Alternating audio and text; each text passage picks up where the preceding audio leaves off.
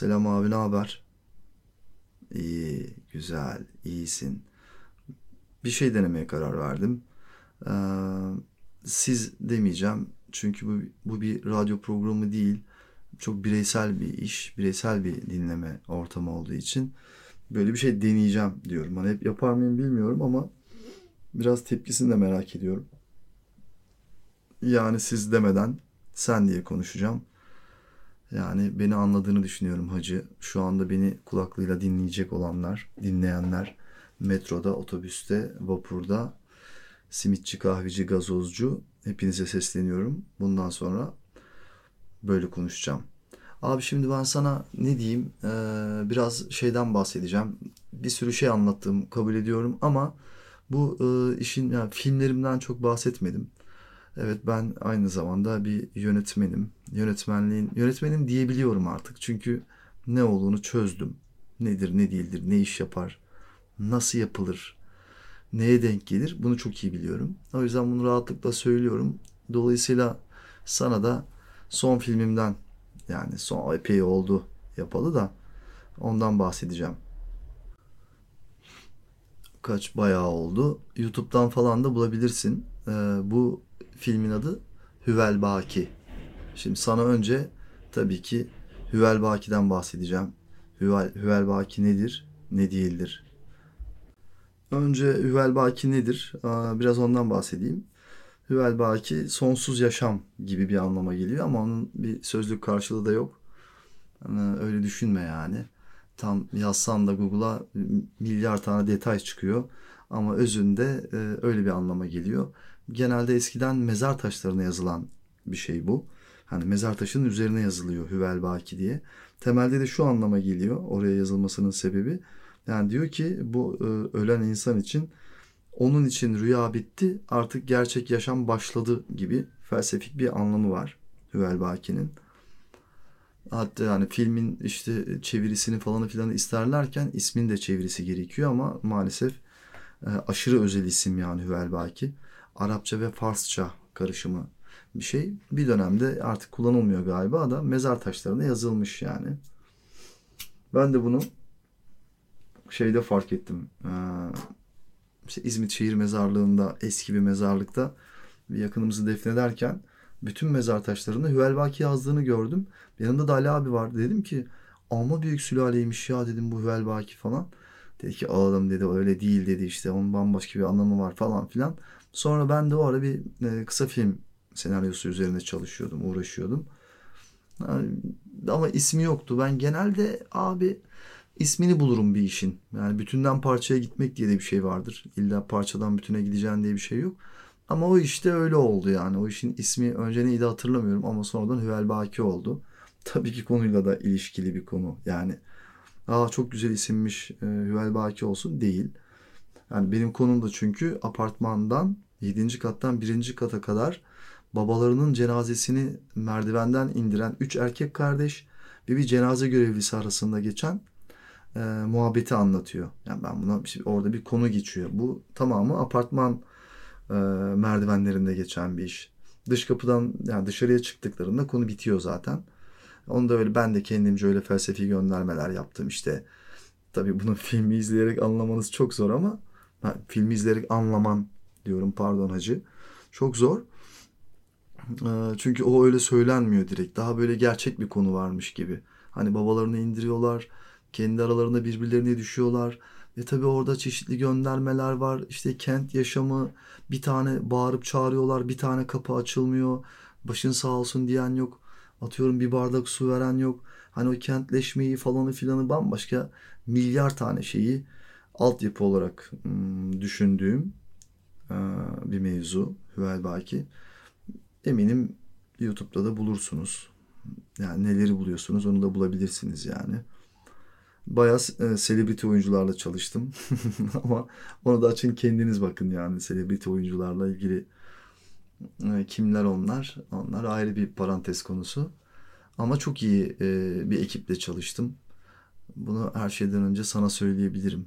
Oyuncularım olsun, set ekibim olsun mükemmeldi. Çok iyilerdi yani. Özellikle e, Helal Prodüksiyon, Mihran Tomasyan, Yani bu hakikaten helal prodüksiyon. Bedavaya sırf ben iş yapıyorum diye bu kadar emek anca sevdiğin olur, arkadaşların olur. Sinemada biraz kolektif bir iş zaten. Yani hmm. ne diyordum? Hüvel Baki böyle bir şey abi. İşte bu Hüvel Baki benim çekme durumumda biraz şöyle oldu. Ben bakanlığa başvurdum. İlginç bir biçimde bakanlıktan bana ödenek çıktı. Ben o bakanlıktan o parayı alabilmek için o zamanın parası işte 7, 7 sene önce falan 10 bin lira e, para gel çıktı bana. Ben 10 bin lirayı almak için 5 bin lira para harcadım. Evrak parası. Onu gönder bunu gönder. Yani günün sonunda bir daha bakanlığa başvurmamakla bitti yani. Töbe ettiğim bir konu oldu. Ya böyle olacaksa vermeyin be abi gibi. Neticede 10 bin lirin 5 bini ona harcadım. Film 30 bine çıktı yalnız. Gibi saçma sapan bir şey oldu. Hiçbir şeye para vermediğimiz halde film 30 bin liraya geldi. Ya sinemada harbiden pahalı sanat abi. Gerçekten yani. Her şeyi bedava yaptık. Düşün 7 sene önceki parayla. 10 bin lira devletten almışım. Ama 30 bin liraya çıktı film. Kime para verdik? Makyöze para verdik. Statik MC'ye para verdik. Sese para verdik. Işığa da vermedik. Nakliyeye de vermedik. Yemeğe de vermedik. Ama bir şekilde 30 bin liralık olduk. İşte biraz Hüvel Baki süreci biraz öyle bir süreç. Ama ondan sonra da ben henüz bir başka bir film çekmedim. Çekmeme sebebim aslında elimde çok güzel bir tane senaryom var. Var aslında yani ne yapmam gerektiğini çok iyi biliyorum. Fakat e, şeyden endişemden dolayı yapamıyorum. İyi bir şey olsun istiyorum. Çünkü diğer filmlerimden e, öyle tecrübeliyim ki iyi film derken abi şunu diyorum yani. Hani çok iyi film olsun, Oscar'lık film olsun gibi bir şeyden bahsetmiyorum. Çok daha teknik. Çünkü abi sesi çözemezsen olmuyor ya. İşin e, yüzde elli etkisi düşüyor yani. İzlediğin bir şeydeki ses Oradaki alınma ses biçimi işin yüzde elli etkiliyor yani. E, bir de sen zaten hani atıyorum Türkçe e, işler yaptığın için duyan kulaklar da bunu öncelikle Türkler olduğu için, Türkçe duydukları için onlarda etkisi daha da düşüyor yani. Hani şey gibi yani ben bazı filmlerimi biliyorum ki ben İtalyanca ya da İspanyolca çekseydim çok başka etkisi olurdu. Eminim ya. Ama Türkçe çektiğim için bunu Hüvel Baki'den bahsetmiyorum. Ee, ve sesi de iyi alamadığım için amatör oyuncularla direkt işin şeyi düşüyor yani etkisi. Şimdi yapacağım filmde de önemli değil. Ben yine amatör oyuncu kullanabilirim. Hiç sıkıntı değil. O benim problemim yani. Onlarla çalışmak, onları ona ikna etmek yönetmenin sıkıntısıdır. Okey. Ama işte bazı teknik eksiklikler insanın kafasını açıyor yani. Işık da çok büyük problem. Yani genel bizim sinemamızın problemleri aslında ses ve ışık. Bu beni de çok etkilediği için onu biraz rafa kaldırdım yani. Hmm, sinemadan da biraz şey oldum. Yani ne yaparsan yap insan denkleminden çıkamıyorsun abi. Hani gidip dağda tek başına ayı belgeseli, kuş belgeseli falan yapmıyorsan sike sike insanlarla muhatapsın yani. Bu da hakikaten çok yorucu bir şey. Bunu da yapan bilir. İnsanla muhatap olmak. Hani önce parayı bulacaksın. Yani. Oturdun yazdın. Önce parayı bulacaksın. Ne demek o parayı bulmak? O çok acayip bir durum zaten. Parayı bulacaksın, parayı buldun. İnsanları ikna edeceksin. İkna ettin. Allah'ım yani ikna etmen gereken herhalde 200-300 tane adam çıkıyor bir anda karşına. Bir şekilde işi yapacak olan adam olarak. Ben bir de şöyle bir yönetmenim. Hani e, gidip bir e, falanın dizisini çeken falan tiplerden değil. Hani daha çok kendime böyle benim gibi insanlara sinemacı deniyor zaten. Ben kendi yazdıklarını çeken bir insanım. O yüzden de işte bu tarz sebeplerden daha çok para eksikliğinden yani. yani o yoksa ses dediğin, ışık dediğin şeyler çok basit şeyler ama vermeyince Rahman neylesin Abdurrahman diyoruz. Ha bu arada ben kısa filmciyim de demiyorum kendime. Bir dünyada belki de 9 tane falan da uzun metraj film senaryom var benim. Hiçbirini gerçekleştiremediğim. Hmm. Ama bunlar tabii haber değeri taşımıyor.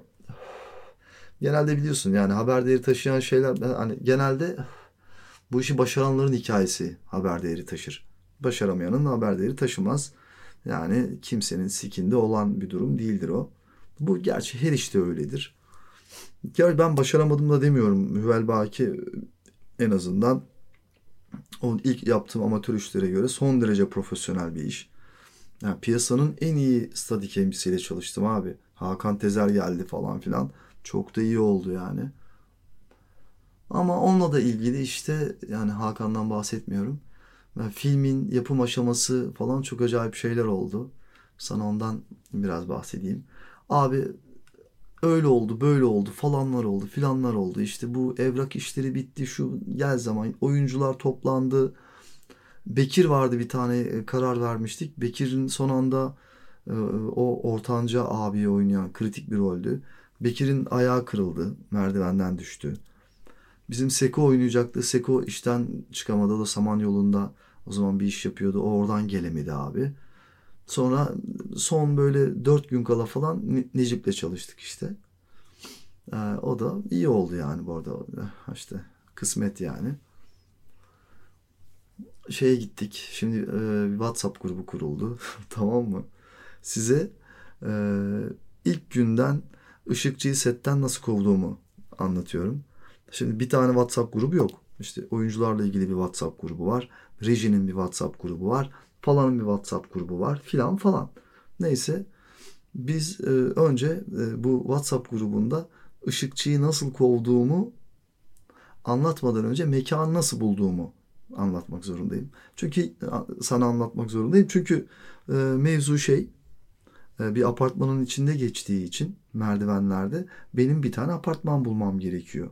Ve mümkünse bu apartman hani böyle çok böyle eski İstanbul apartmanı gibi de değil. Hiç değilse merdivenleri geniş. Mümkünse TOKİ konutları gibi bir şey de çok işime gelir. Ama ben bunu buraya gelene kadar İstanbul'u neredeyse arabayla dört döndük. Şey çok iyiydi. Ee, önce Anadolu yakasını gezdik, bitirdik. Ee, bir tane araba kiraladım bir arkadaşımdan. O da falanın arabası. Onun arkasında da Osmanlı tuğrası var. Fiyat Tipo mu ne bir araba olacak bu ya.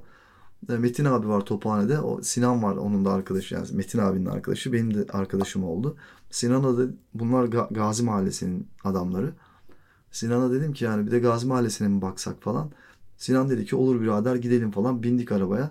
Tam Gazi Mahallesi'nin oraya geldik. Dedim ki Sinan dedim yalnız arabanın arkasında Osmanlı tuğrası var camda. Durduk yere dedim başımıza iş almayalım şimdi Gazi Mahallesi'nde. Yok dedi birader bir şey olmaz dedi ya en fazla dedi bir şey zarar verirlerse dedi terörden olduğu için yeni bir tane araba verirler sana falan gibi bir şey söyledi. Lan dedim oğlum arabanın içindeyiz yalnız biz. Tabii kahkaha atıyor bu korkma oğlum bir şey olmaz falan. Neyse Gazi Mahallesi'nin içinde dolaştık. O bu dedi ki şimdi o tabii Sinan benim tam ne yapacağımı bilmediği için ben bir apartman arıyorum. Dedi ki gel dedi birader benim dedi annemlerin evine mi gidelim dedi. E, halam annesiydi galiba. Bir tane binaya çıktık. Bu dört katlı. Merdivenlerden çıktık. Çaldı kapıyı. Bir tane kadın açtı. Yaşlı bir deyzem. Şimdi Sinan'la kadın Kürtçe konuşuyorlar. Ben arkada duruyorum ayakta. Tabii ben o sinema minama aradan tabii yani Sinan kadına ne söylüyor olabilir? Kadın başladı gülmeye ve Kürtçe bir şeyler söyledi Sinan'a ve ben onun ne demek istediğini direkt anladım. Türkçesi şu. Eğer ben de oynayacaksam yardımcı olurum dedi kadın. Ona çok güldük. Neyse oradan çıktık bulamadık falan oldu. Sonra Bahçeşehir miydi orası ya? Orada bir yerde bir tane bloklarda bir yer bulduk abi. Tamam dedik burası olur. Ee, sonra da şeye geldi konu. Ve, ve benim işte bir tane cenaze arabası bulmam gerekiyor. Ya cenaze arabası çok gözüküyor mu filmde? Hayır. Ama ya ilk planda cenaze arabasına bir şekilde görmek istiyorum ben. Yani sanki gözükecekmiş gibi hissediyorum. Abi cenaze arabasını bulmak mesele. Mezarlıklar müdürlüğünü arıyorsun. O zaman günlüğü 2000 liraya yakın bir para istiyorlar yani. Ve bana da zaten o araba belki de 15 saniyeliğine falan lazım yani işte. Yarım saatliğine gelse benim işim çözülecek. Ama adam diyor ki bir, bir günlük kiralarım. İstanbul zaten mezarlıklar müdürlüğü yanıyor. Neyse kimden buluruz kimden buluruz dediler ki ulan cemevinden buluruz. Biz de dedik ya öyle ya Cemevinden buluruz. Cemevi, onlar daha bizden yani mutlaka ki şaşırtmadılar bu arada. Hani bunu kendim Alevi değilim ama hani Alevilerden çözeceğimi de eminim yani. Hemen gittim Bostancı'daki birkaç Alevi arkadaşıma.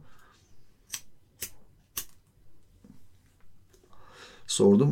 Bu Kadıköy'deki Şahkulu Şahkulu Cemevi'ne e, yönlendik. O orayı biraz taradık. Orada yok, falan da yok. Onların da bir işi çıkmış. Ama sağ olsun bu Alevi arkadaşlar hiç yanıltmıyorlar. Her türlü de ilgileniyorlar yani. Yok kardeşim deyip telefonu kapatan yok. Tabii ben o an bizdeki cenaze arabası yeşil ama Alevilerinki başka türlü. Onu da çok ayırdığımında da değilim yani.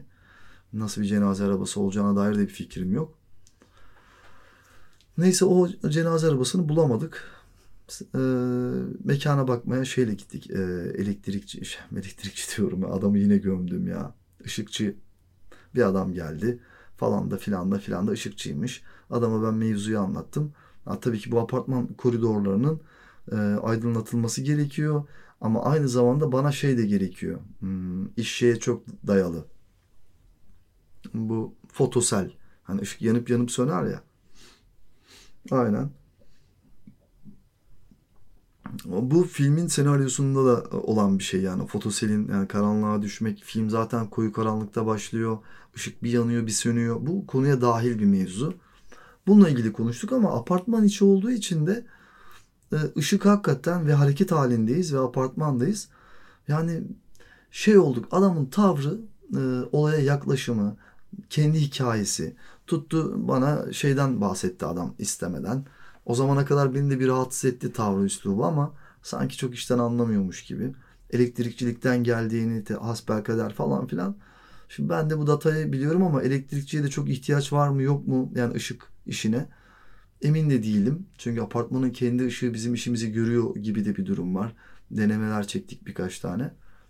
İşte WhatsApp grubunda ben yanlış WhatsApp grubunda abi bu ne biçim ışıkçı ya ışıkçı diye getirdiğiniz adam elektrikçi çıktı falan yazdım. Adam tabii buna çok bozuldu. Çok sistemler ederek gruptan ayrıldı. Elektrikçi ama hala elektrikçi diyorum. Işıkçıyı kovmuş oldum istemeden. Çok pişman oldum. Çok özürler diledim falan ama adam sağ olsun geri dönmedi. O geri dönmedi ama bizim bu bizim işi yapmamıza engel değil. Ha, ya bilmiyorum o beni dinleyecek bir adam da değil bu kaydı ama din, dinliyorsa yine de kusura bakmasın. Derdim onun mesleğini küçümsemek değildi. İstemeden oldu yani. Yanlış gruba atar yapmışız yani. Adam da oradaymış. Neyse abi e, sonra kimler geldi e, sete toplandık. O gün vurup bitireceğiz ama kafaya koymuşum ben. Set günü de bir gün olacak yani. Zaten bir de hareketli şey e, plan sekans çekiyorum işi. Yani planım o yani. Tek seferde vurup 7 kat aşağı inecekler yani. Film 15 dakika falan sürecek. Ha, tabii bunu ben plan sekans yapmasam yani kesip parçalasam biraz daha uzun sürecek e, çekimi ama daha kolay olacak. Ama bende de böyle bir saykoluk var. Israrla tek plan insin istiyorum. Kamera başlasın ve tek plan ki öyle yaptım. Bunun için de organize olduk falan olduk. Bir arkadaşım dedi ki e, bize, bize bir tane makyöz lazım. Makyöz bir yerden gelecek. Geldi bir tane kız geldi. O gün sete elinde bir tane makyaj çantası. Hocam merhaba merhaba canım falan filan tanıştık. Tabii o saate kadar da cenaze arabasından haber yok. En son çünkü biz Gazi Mahallesi'ndeki cemevine bu saldırı yapılan ce, sürekli cemevi var ya o cemevinin cemevi başkanı ya da dedesi olan İskender miydi adamın adı şu anda hatırlayamıyorum. Bir adamla telefonda konuşuyorum ben. Adam da o kadar düzgün ki e, tok babacan bir sesle ve adam hiç bilmediği bir işe sadece ben e, istediğim için no name bir isim olarak arabayı adam dedi ki e, işte set günü sabah tarihi neyse sabah dedi hallederiz. Okey. Sabah adamı aradım. Bu arada set toplandı. Arabanın gelmesini arabayı organize etmeye çalışıyorum hala. Setin içinde herkesin yanında bu İskender diyeyim ben adına yanlış olmasın. O adamla konuşuyorum tamam mı? Adam diyor ki bana dedi ki e, kardeşim dedi ben dedi çok meşgulüm. Ben gelemiyorum ama dedi hiç sıkıntı değil. Sen gelip cenaze arabasını alıp götürebilirsin. Ulan cenaze arabasını gelip şimdi sette her şey o kadar planlanmış ki boşta bir tane adam yok. Hani bizi izlemeye gelmiş de iş çözecek. O herkes bir işe yarıyor yani. E biz şeydeyiz, ta Bahçeşehir tarafındayız. Birinin Gazi Mahallesi'ne gidip arabayı alıp gelmesi gerekiyor. Neyse bayağı bir konuştuk adamla. Sonra teşekkür ettim adama. Orada birkaç deneme çekimi yaptık. Orada şeyi fark ettim ben. Aa, gerçekten de cenaze arabasına çok da ihtiyaç yok. Bizi getiren servis panel van ha, o işi görüyor aslında. Çünkü finalinde fluya düşüyoruz. Aa, denedik birkaç. Aa çalışıyor falan. Çalışınca da ben adamı tekrar aradım. Teşekkür ettim falan filan. Neyse başladık abi. Tak tak tak tak bir sürü mevzu falan oldu filan oldu. Vurduk işi bitirdik. Ee, işte zaten kimin parasını verdik? Sesçilerin parasını verdik. İşte Steadicam operatörünün kameranın parasını verdik. Gerisi para almıyor zaten oyuncular dahil kimse. Apartmanın parasını verdik. Ee, ve e, bir de e, Makyöz kıza e, para vereceğiz. Makyöz kızın da zaten öyle çok bir işi yok. Hani ama iş yani mesaisi orada. Tam yani iş bitti. Makyöz kızın da e, parası. Sen dedim nasıl geldin? Ben dedi işte Gazi Mahallesi'nden geldim hocam falan. İşte ne kadar veriyoruz yövmeye bilmiyorum. 200 ise e, çıkardım. Ben 300 lira verdim kıza. Pardon. Kız dedi ki hocam dedi ben dedi size dedi bir şey söylemek istiyorum. Dedim e, söyle dedim tabii. Sizin dedi sabah dedi e, ben buraya sete geldiğimde telefonla konuştuğunuz kişi kimdi dedi. Böyle, nasıl dedim? Biriyle telefonla konuşuyordunuz ya dedi cenaze arabası için. O dedi Gazi Mahallesi bilmem işte dedesi ya da başkanı İskender İskender Bey miydi dedi. Böyle, ha, evet dedim. Ya dedi biliyor musunuz dedi onun kızı dedi benim en samimi arkadaşım. İskender amca şöyle İskender amca böyle ha, inanamadım yani. Kız meğer hani o telefon konuşmasından ben hayatımda ilk kez görüyorum abi. Biz saçma sapan bir yerdeyiz. Bir kız geliyor bir yerden. Onun da nereden geldiğini de bilmiyoruz. Abi kız gele gele o da Gazi Mahallesi kökenliymiş. Yani böyle o da söylememiş sağ olsun. Hani işgüzarlık yapmıyor. iş bittikten sonra bana böyle şeyler söyledi. Ha doğru 200 verecektik bu sefer kız neyle gideceksin dedim. Otobüs dedi yok dedim 100 lira daha fazla verdik taksiyle gitsin diye falan. Yani bu e, Alevi deal'ı da e, öyle acayip çalıştı yani. Hiçbir işime yaramadı ama o kadar uğraştılar ki yani helal olsun dedirttiler yani. Onlara da buradan selamlar söylüyorum yani bu Alevi tayfa harbiden güzel tayfa yani. Sonra ne oldu abi? Sonra bir şey olmadı. Film yaptık işte. Ee, öyle oldu, böyle oldu. Ee, yani bu ülkede niye film yapmak zor? Biraz e, konu oraya da geliyor. Sonra bana dediler ki eğer sen bu filmi e, sağa sola göndermek istiyorsan bir yasa mı değişmiş? Bakanlık diyor ki filmini onaylatman gerekiyor diye bir haber geldi. Allah Allah dedim. Nasıl yani filmi onaylatmak ya? İşte işte Kültür Bakanlığı'na götürüyorsun. Ee, bir kurul senin filmini, işini izliyor ve bu ülkede yayınlanabilir ya da yayınlanmaz onayını veriyor. Ben, ben dedim ki ama dedim ben dedim zaten ticari kaygı güden bir şey yapmıyorum ki. Bu dedim hani öyle gişelere girecek de falan. Yok dediler kardeşim kısa uzun fark etmez. İşlevi önemli. İşlevi önemliymiş. Allah Allah iyi peki abi ne yapacağız falan. İşte Sirkeci'de Kültür Bakanlığı'nın ofisi varmış. Binası varmış. İyi okey yine aldık filmi dosyalar yine. Filmi de CD'ye koydum gittim abi. Bir tane devlet dairesi yani sıradan olağan bir adam orada oturuyor. Dedim böyle böyle. Ha dedi dosyayı dedi bana ver dedi. Arkada da ileride bir küçük bir oda gözüküyor salon gibi herhalde. Bir de filmi de onlar izleyip karar verecek galiba. Yani bir tane memur ya. Hani bir numarası var mı yok mu bilmiyorum. Bir tane adam yani. Ben adama tam veriyorum. Ee, dedi ki filmde dedi Türkçe dışında dedi başka bir dil var mı? Nasıl dedim ya? Han dedi yani Kürtçe, Mürtçe dedi bir dil mil bir şey var mı? Başka bir yabancı dil. Ha yok dedim hepsi Türkçe. Ha tamam o zaman dedi aldı. Hani var desem adam onu izlemeyi de tenezzül etmeyecek galiba. Boş ver kardeşim diyecek yani adama da eziyet muhtemelen. Neyse verdik. Bunun için de para yatırıyorsun. Bak para yatırıyorsun bu onayı alabilmek için. Onay çıkar ya da çıkmaz o, o prosedür bittikten sonra da o parayı geri alıyorsun gibi. Bunu yapış sebepleri ön sansür. Yani çünkü sen onayı almazsan filmini ulus, ulusal festivallere de gönderemiyorsun. Kurnazların yaptığı şekilden dolayı. Ya ben orada adama da söyledim yani bunun bir işte maddi beklentisi olmadı ama fark etmiyor. İşte ön sansür. Ki festivalde rezillik olmasın diye bunu baştan koparalım hesabı. Çünkü mesela sen ben sana bunu anlatmasam sen bu detayı nereden bileceksin de. Ama bu işlerle uğraşan insanlar bunları biliyorlar yani. Bir de öyle bir şey var. Hatta bir de işte böyle bir sinema kurulu falan kuruldu. Yani yani gerçi keza filmim e, katıldığı bütün festivallerde ödül almasa da ciddi söylüyorum yani ben 15 tane falan festivale gönderebildim. 15'inde de seçkiye kaldı film. Yani seçki şu demek abi. Yani atıyorum 500 tane film başvuruyor kısa film. Bu 500 tane filmin sadece 10 tanesi sinema salonunda gösteriliyor ve ödül yarışmasına giriyor. Sen aslında ödül yarışmasına ancak o 10 filmin ya da o 5 filmin içine kaldıysan girebiliyorsun. Sağ olsun filmin bütün seçkilere kaldı. Özellikle çağrıldım ama gidemediğim İspanya'da e, ve Latin Amerika'da bir festivaller vardı. Onlara da sağ olsun davet ettiler ama nasıl gideyim? Gidemedim. Filmin bir yerlerde gösterildi yani. Ankara'da falan da gösterildi. İstanbul'da. Yani bir sürü yerde salonda gösterilme şerefine nail oldu. Gerçi ben gidip salonda izleyemedim e, kendim. Maalesef öyle. Yani bizde film yapmak e, mesele biraz. Yaptın olmuyor. Şeyden e, şu, şu konuda da çok iddialıyım. Yani bizde mesela film yapmak e, İran'dan daha zor. Bunu bir arkadaşımla da daha önce konuşmuştum. Çünkü e, öyle bir şey var. Öyle bir övgü bizim entelejansiyede İran sineması, İran sineması. Hani bizimkini böyle küçümseyip İran sinemasını yücelten bir durum.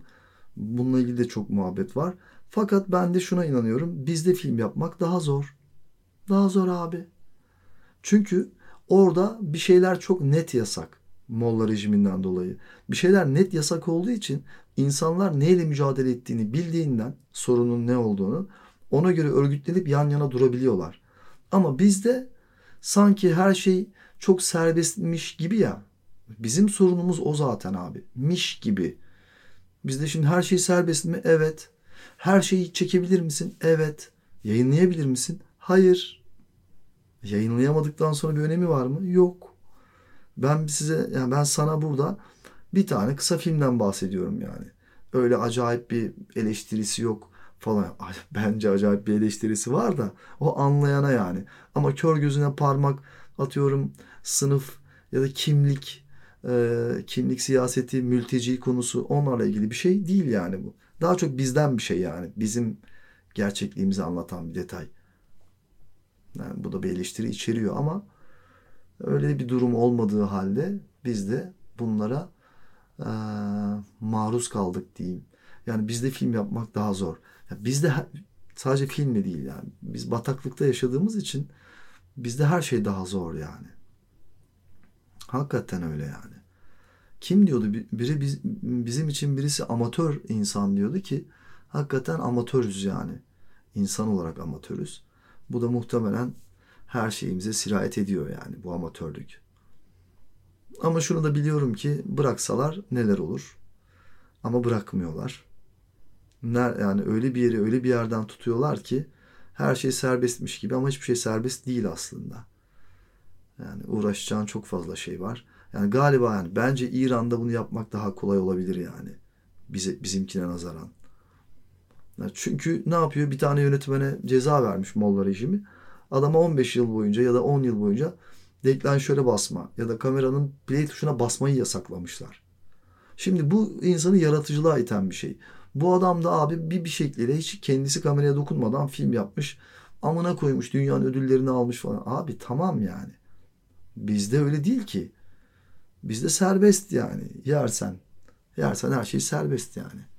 yani bizim e, tırnak içinde en önemli en selebriti sanatçılarımız Cumhurbaşkanlığına gidip sinema ön kurulu bilmem ne yapmadılar mı abi? Düşünsene film yapıyorsun. Senin filmini Yılmaz Erdoğan izliyor ve karar veriyor filmin yayınlanıp yayınlanmayacağına. Ne münasebet abi?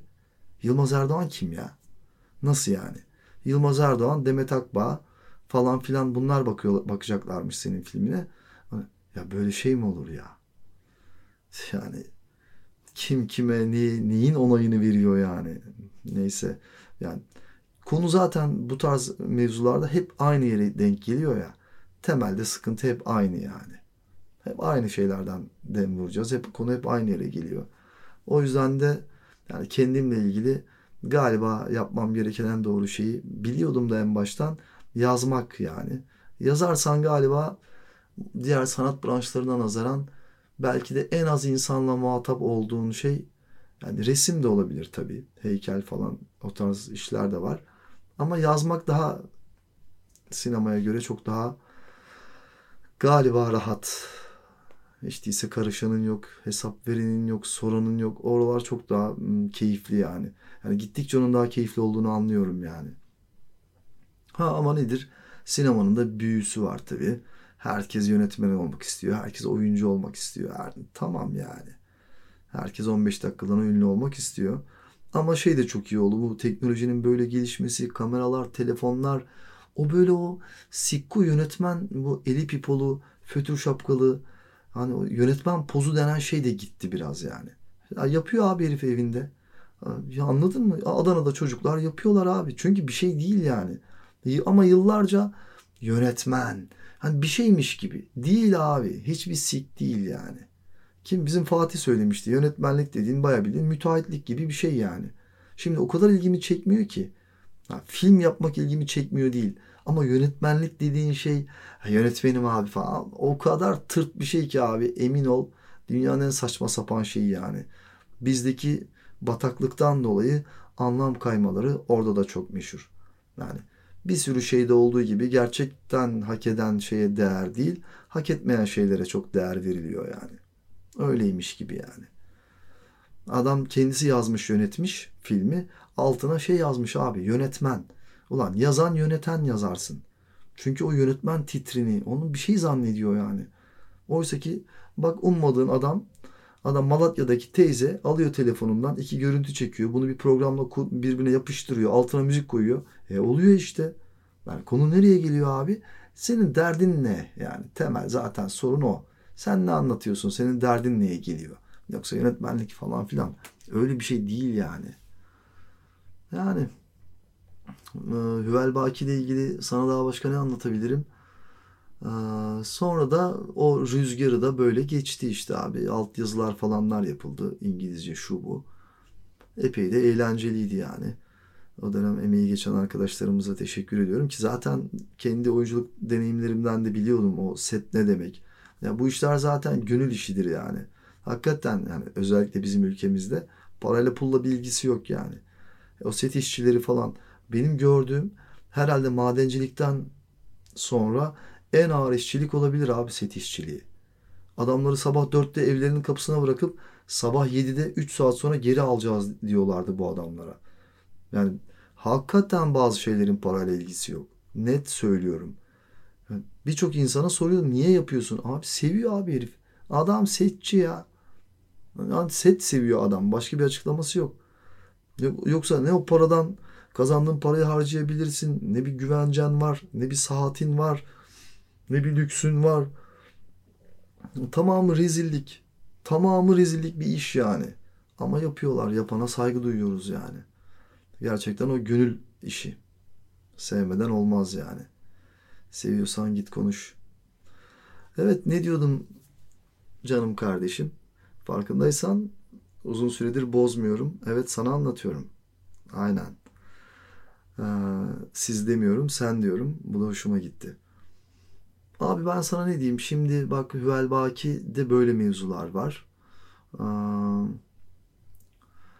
tabii şeytan uçurtmasında başka hikayeler var ama bu bölüm sadece Hüvel olarak kalsın istiyorum. Seni de çok seviyorum. Ayık ol diyorum. Ayık. Anladın mı? Öyle değil abi hayat. Ayık ol. Hadi çok öpüyorum.